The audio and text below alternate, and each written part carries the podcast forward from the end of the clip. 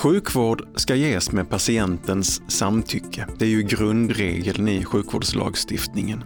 Och det vet alla som jobbar i vården och förhoppningsvis även de flesta patienter. Men hur går det till i praktiken? Ta till exempel patienter som är gamla och nedsatta på olika sätt. Då är det inte alltid så lätt för sjuksköterskan eller läkaren att få det där informerade samtycket som lagen föreskriver. Eller är den medicinska personalen ibland för snabb att dra slutsatser? För van vid att göra som man brukar? Man vill ju väl, eller hur? Och är det, är det en good enough ursäkt för vård utan samtycke? Att man liksom är på det goda sida? Ja, det finns många kniviga etiska frågor som rör patientens rätt till delaktighet i sin vård. Detta diskuterar vi i Etikpodden där Region Skånes etikråd lyfter några av de svåraste frågorna i vården. Jag heter Lars Mogensen och är journalist och med mig idag har jag Joar Björk som är medicinetiker, läkare i Region Kronoberg som har disputerat vid Karolinska institutet. Och verksam som läkare som sagt var i det palliativa teamet i Växjö. Och Joar forskar om just precis detta, vård utan samtycke. Hallå Joar! Hej, vad trevligt att få komma hit. Du är så välkommen så. Spännande frågor det här. Du är läkare men har liksom inriktat dig på medicinsk etik. Vad är det i det fältet som, som, som lockar dig? Det är ju, den långa läkarutbildningen handlar väldigt mycket om att lära sig vad man ska göra. Eh, men jag märkte när jag var färdig läkare att jag var mer intresserad om om man verkligen ska göra de här sakerna som medicinboken föreskriver och varför, varför inte? Och sen började jag komma runt på arbetsplatser och prata med personal och höra deras tankar på vad de gör, vad de tycker är svårt, hur de borde göra. Eh, och där fann jag att jag själv fick utlopp för mina filosofiska intressen och förhoppningsvis att jag kunde göra något gott också. Så nu funkar du som stödperson, alltså rent praktiskt mot, mot annan medicinsk personal i, i Kronoberg? Precis. Mm. Så både i Region Kronoberg och här i Region Skåne så kan man om man har etiska utmaningar på arbetsplatsen be att få etiskt stöd. Mm. Och nu forskar du om någonting som kallas för vård utan samtycke. Jajamän. Ja, ehm, det är lite luddigt begrepp ju. Jag försökte ringa in det på något sätt i min inledning. Vad skulle du säga, vad, är, vad handlar det mm. om för någonting? Det är ett avsiktligt mycket luddigt och brett begrepp så att det försöker fånga en massa olika saker som händer. Eh, grundtanken är precis som du säger att det finns en en förhoppning eller ett ideal om att vård ska ske med samtycke. Men samtidigt så har vi många patienter som av olika skäl inte kan ge samtycke. Och kanske den lättaste gruppen att se framför sig är de som inte förstår den medicinska informationen tillräckligt väl för att kunna fatta ett eget ställningstagande. Och det kan ju, det behöver man ju inte vara dement eller någonting för, för om du plötsligt har fått veta att du är svårt sjuk så är man ju i någon form av chock nästan. Absolut. Det kan vara svårt att förstå vad läkaren eller, eller sköterskan säger. Verkligen. Um, och en, en, kort utvikning där som läkare i palliativ vård så hör jag ju berättelser när människor berättar om de här hemska beskeden de har fått. De säger ofta, ja efter att läkaren sa det där, då tog jag inte in något mer. Mm. Uh, så att precis som du säger så finns det många olika situationer. Men um, man kan inte göra det så enkelt för sig som att säga att i sådana lägen får ingen vård alls ges. Ehm, kanske i fallet med den friska patienten eller den i övrigt friska patienten som har fått ett hemskt besked. Där kan man ju vänta lite grann. Men om vi återgår till till exempel den dementa patienten, då kan man inte eh, bara lägga ner och säga här kan vi inte ge någon vård därför att patienten inte kan ge samtycke.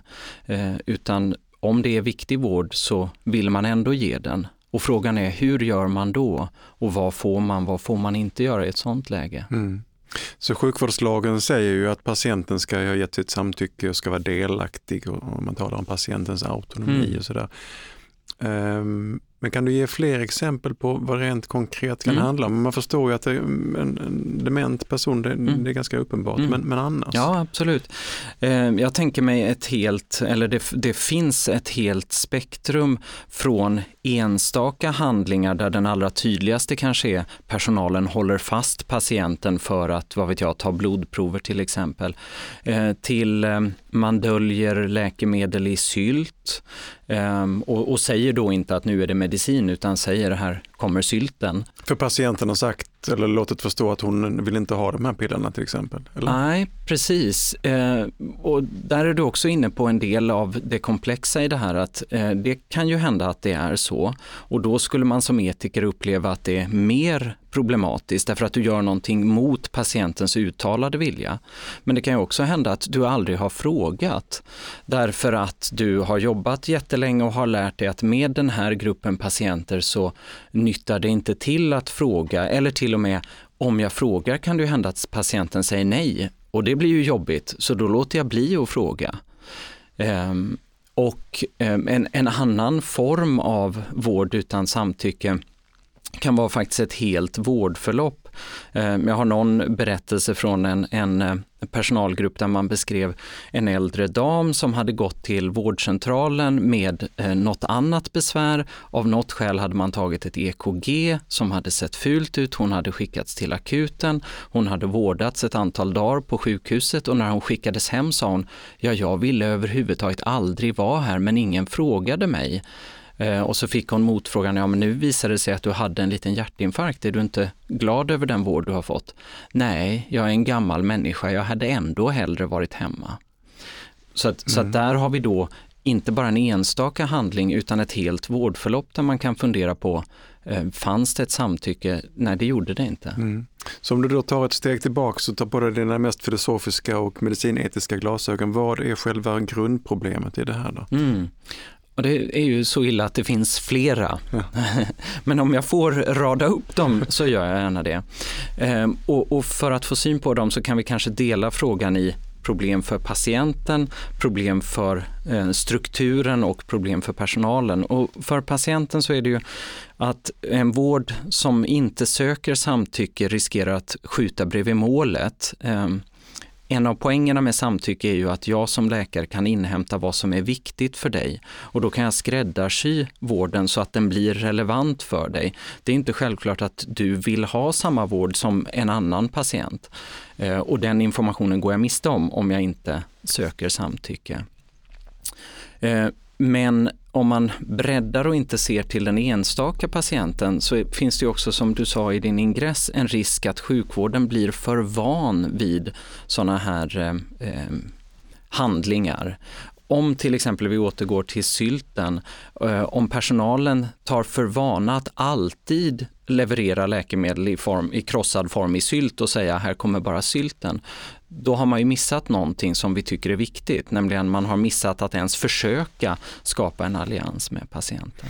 Mm. Och Mm. om jag får ta den sista, eh, huvudfokus i den medicinska etiken är att det ska vara etiskt bra för patienten. Men det finns ju också den här aspekten att eh, personalen är människor också.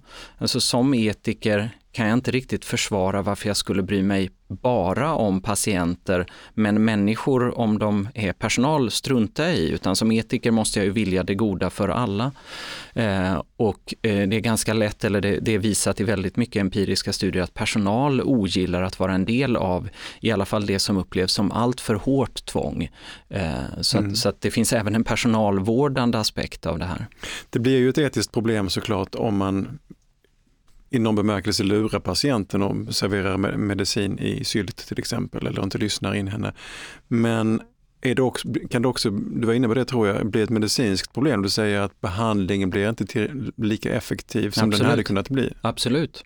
Eh, om vi tänker oss att jag som din läkare vill att du ska ta ett läkemedel varenda morgon i många, många år, eh, då är ju sannolikheten att du kommer att göra det mycket högre om du eh, litar på mig och har förstått varför eh, den här tanken finns och vad som är eh, fördelen för dig. Ehm, och, och omvänt då, om jag inte har brytt mig om att, att ha den dialogen och vara säker på att du vill detta, då är ju risken stor att så snart du kommer hem så kastar du de där pillerna i papperskorgen. Mm, mm. Um, men som, som personal känner man, alltså, ni har ju sakkunskapen, mm. ni som är läkare och mm. sjuksköterskor. Mm, då står ni så att säga på det godas sida. Måste ni inte ändå um, ja, men, eh, om jag som patient liksom sätter mig på tvären av liksom oklara anledningar eller för mm. att oh, jag gillar inte medicin eller jag, mm. du vet, Finns det inte anledning för er att köra över mig då så att säga mm. på något sätt eller mm. övertala mig? Ja, det är en jättestor och viktig fråga och dessutom en som jag tror att nästan alla människor kan känna igen in på kroppen. Eh, och det, det fackmässiga uttrycket för det här är, är frågan om paternalism. Eh, precis som du säger, när är det rätt att köra över en annan människa? Pater, fadern som vet bäst, paternalism. Ja. Mm. Precis, precis. Så, så jag behandlar en annan människa som att den vore ett barn i någon bemärkelse. Eh, och en klassisk uppdelning i den filosofiska litteraturen om paternalism är att säga att paternalism är klart mer befogat i fall där människan som, som jag gör detta mot inte förstår eh, vad det är som står på spel till exempel. Men som vi var inne på här så finns det ju fall där vård ges utan samtycke även till patienter som egentligen hade kunnat ta ställning, sätta sig in i frågan, men personal i kanske sin stress eh, går förbi det steget. Det tar tid att skapa allians med patienten och man eh, tar en genväg genom att inte ens prata med patienten. Men åter till då eh, den här frågan om kan det vara rätt att köra över de som faktiskt inte har en chans att sätta sig in i frågan? Ja, tyvärr så kan det det ibland. Eh, det vore diskriminerande att säga till den dementa att ja, du har ont, du lider, jag har effektiv medicin, men eftersom du inte förstår eh, vad som står på spel här så ska jag inte ge dig den, den botande eller lindrande medicinen. Det vore diskriminerande och skulle nog strida mot eh, starka etiska uppfattningar hos oss alla, definitivt mig själv. Eh, så, så att eh, när tillräckligt mycket står på spel så är det rätt att köra över framförallt en människa som inte förstår vad det är som står på spel. Mm. Men det måste och problemet balans, med det, ja, balansgång där ju. Ja. Helt mm. riktigt, det är ju det som gör detta så spännande och så svårt. Att de enkla svaren ja och nej, rätt och fel, alltid eller aldrig, eh, de är ute ur leken. Eh, det finns inte så enkla svar utan det blir bland annat just en balans.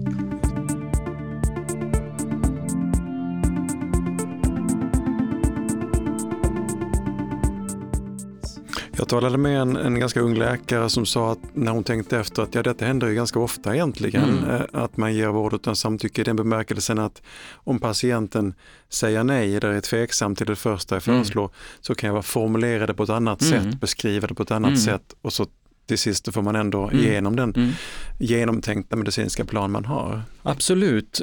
Så att ett sätt att läsa en sån situation är ju att den här läkaren du pratade med hade en ganska tydlig agenda eh, och hade lagt sig till med sätt att implementera agendan. Ehm, och en av de saker som jag är intresserad av är hur lär man sig sådana metoder därför att de lärs inte ut på läkarutbildningen eller sjuksköterskeutbildningen. Eh, men en annan ingång i det du säger är också att det kan för den enskilda vårdutövaren ibland vara svårt att veta när man har tvingat en patient och när man inte har det. Varför det? Vet man inte det?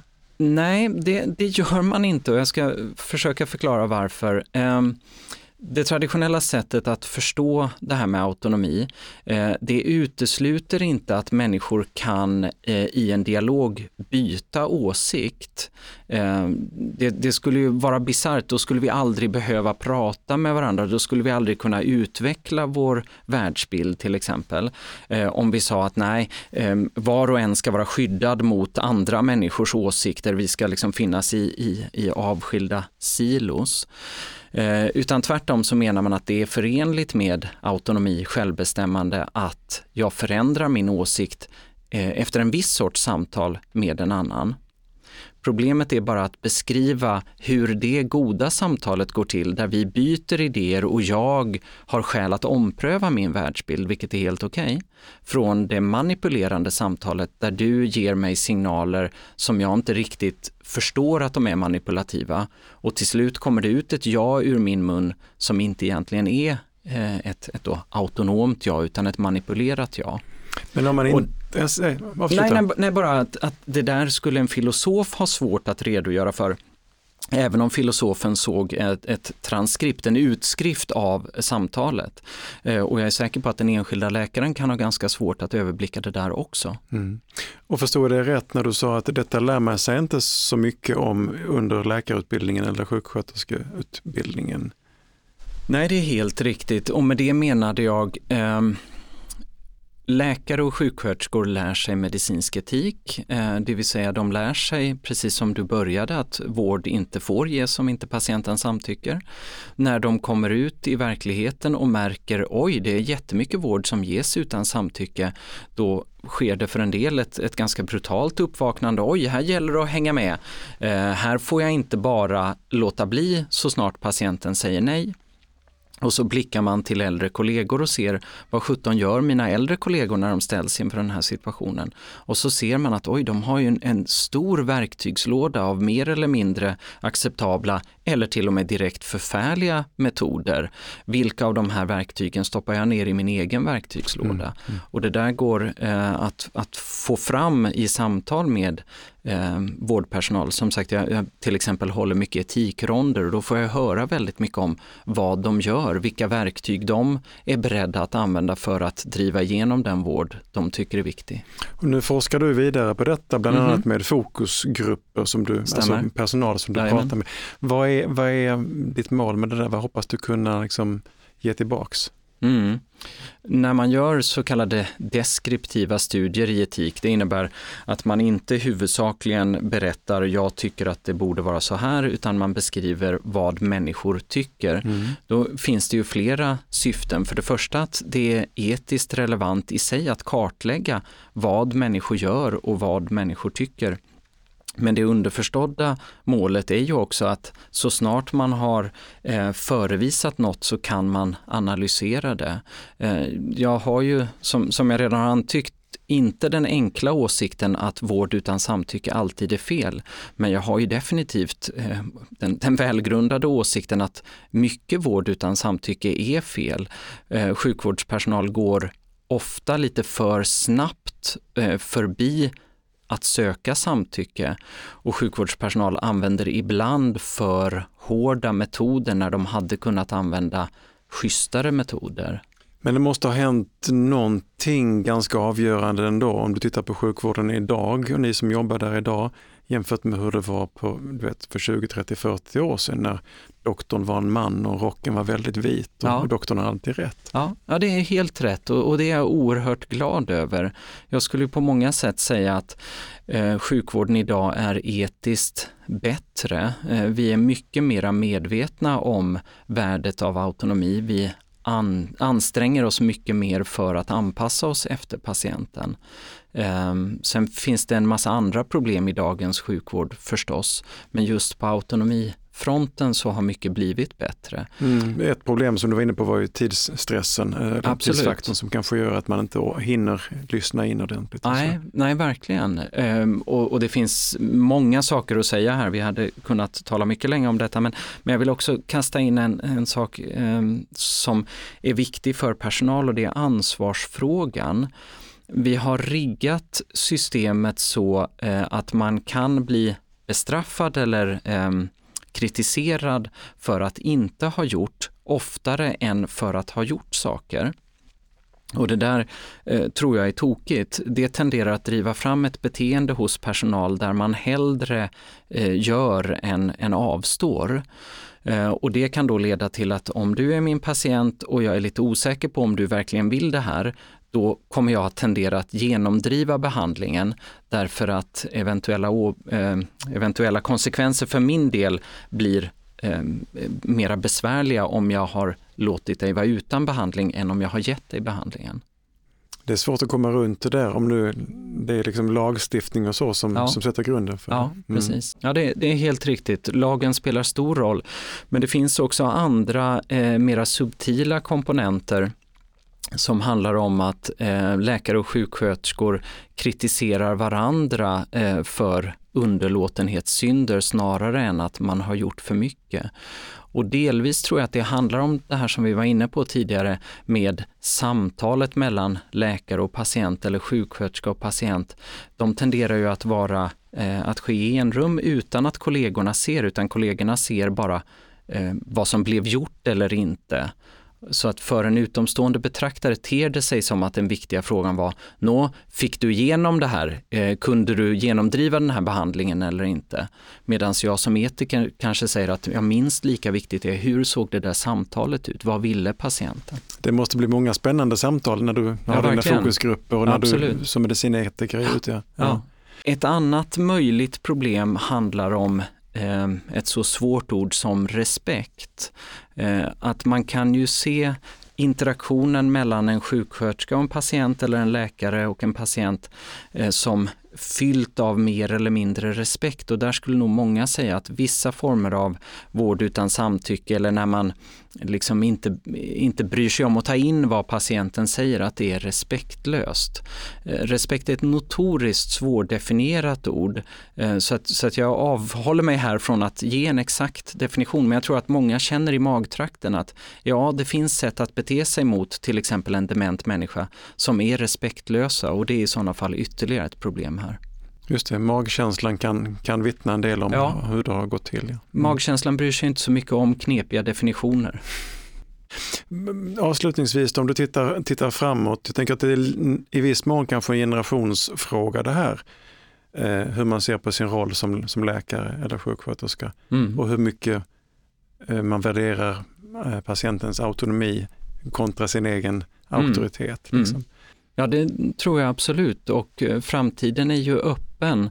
Eh, jag har redan beskrivit någonting som jag ser som en, en, mycket positiv utveckling där vi i sjukvården blir mer medvetna om att sjukvården bör vara ett samspel med patienten så långt som möjligt. Eh, sen finns det ju andra tecken i tiden som jag kanske är mera tveksam till. Eh, jag tänker bland annat på rörelsen där patienten ses mer och mer som en kund, vilket inte nödvändigtvis är samma sak utan, utan där finns, finns andra problem, andra fallgropar att hamna i. Man brukar säga att kunden har alltid rätt. Ja, just det. Och det kanske gäller när man ska köpa skor, om ens det. Men jag är inte säker på att det gäller inom sjukvården. Säger Joar Björk som är medicinetiker och som forskar om detta med vård utan samtycke och patientens autonomi. Stort tack till dig Joar. Ehm, alltså läkare i palliativa teamet på Växjö central lasarett, Region Kronoberg. Ehm, utöver Etikpodden så arrangerar Etiska rådet i Region Skåne också seminarier och kurser av olika slag. Mer information om detta finns på vår hemsida. Har du frågor, idéer eller kanske kritik, skicka ett mejl till etiskaradet skane.se. Tack för att du lyssnade.